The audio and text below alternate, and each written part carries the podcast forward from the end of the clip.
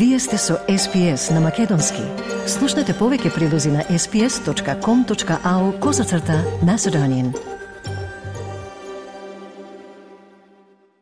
Слушате прилог подготвен од програмата на македонски јазик на SPS Audio со Маргарита Василева. Нов извештај покажува дека лицата со ниски примања се погодени со премија за сиромаштија, принудени да плаќат многу повеќе за основните услуги поради нивните финансиски, работни и животни околности. Водечка агенција за социјална помош вели дека овие луѓе имаат помалку избори, а пазарот работи против нив. Повеќе од прилогот на Гарет Борем за SBS News. Джейсон Хейнс води центар за итна поддршка на спротивната страна на парламентот преку езерото во Камбера и тој има итна порака за политичарите горе на ридот. Неговата порака гласи Слезете и видете добротворни организации како нашата. Слезете и видете што точно се случува. Убаво е да можеш да правиш политика и сето тоа, но што гледаш таму за да дојдеш до овие политики? Што е најважно, луѓето многу тешко обстојуваат. Come down and speak to charities like ourselves that actually come and see exactly what's happening. It's nice to be able to do policy and, and all the rest of that out there, but if you, what, are, what are you seeing out there to actually make those policies? Because I think sometimes the biggest thing is people are doing it really tough. People are really hurting. Само во изминатава година, Центарот на господинот Хейнс доживеа зголемување на молбите за помош од 150 од 100. Тоа се жители од Камбера кои бараат помош. Господинот Хейнс вели доаѓаат секакви луѓе, честопати луѓе што всушност се во работен однос.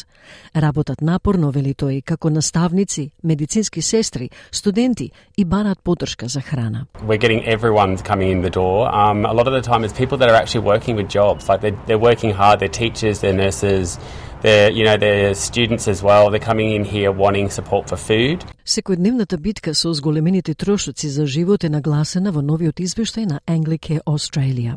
Извршниот директор на Агенцијата за благосостојба Кейси Чемберс вели дека тоа покажува дека сиромаштијата се влошува. Едноставно кажано, вели таа, те чини да бидеш сиромашен. Луѓето со ниски примања плаќаат повеќе за стоки и услуги и имаат помалку избор. Пазарот всушност работи против нив. Чемберс вели и таа е ситуацијата во секоја област што ја тестираа. Put simply, it costs to be poor. People on low incomes pay more for goods and services and they have fewer choices. The market actually works against them, and that's in every area we tested. Англике вели дека оние кои имаат ниски примања може да завршат да платат до еден и пол пати повеќе од другите за истите услуги. Без разлика дали тоа е поради местото каде што живеат, нивната неможност да купуваат на големо или да купуваат на околу, недостатокот на заштити или нивниот капацитет за пристап до интернет дома. Извештајот наречен Poverty Premium Report покажа дека тие во просек трошат 10 одсто повеќе на гориво за помалку ефикасни автомобили и најмалку 20 одсто повеќе на електрична енергија и јавен превоз. Нивните кредитни и заемни трошоци беа за 45% повисоки, осигурување за 61% и намирници за 93% повеќе.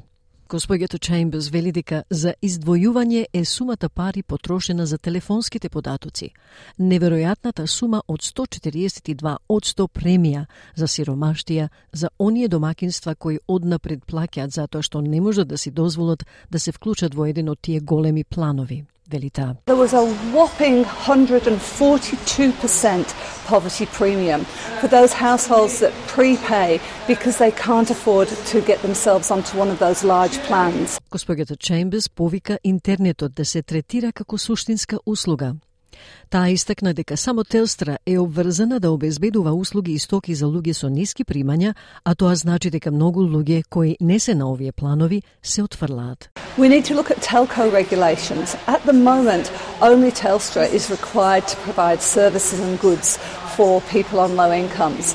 And what that means is that many people who are not on those plans are getting thrown off. Основни работи за кои Джейсон Хейнс секојдневно гледа се поголема потреба. Тој вели најчесто родителите се тие што остануваат без работа.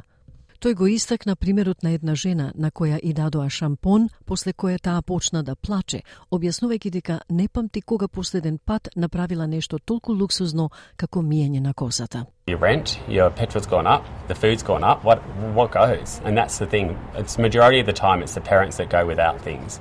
A few weeks ago, we had a lady coming in here and we gave her shampoo and she started crying. She said, You don't remember the last time I actually had something as luxurious as washing my hair. Gareth Borum го подготви овој прилог за SBS News.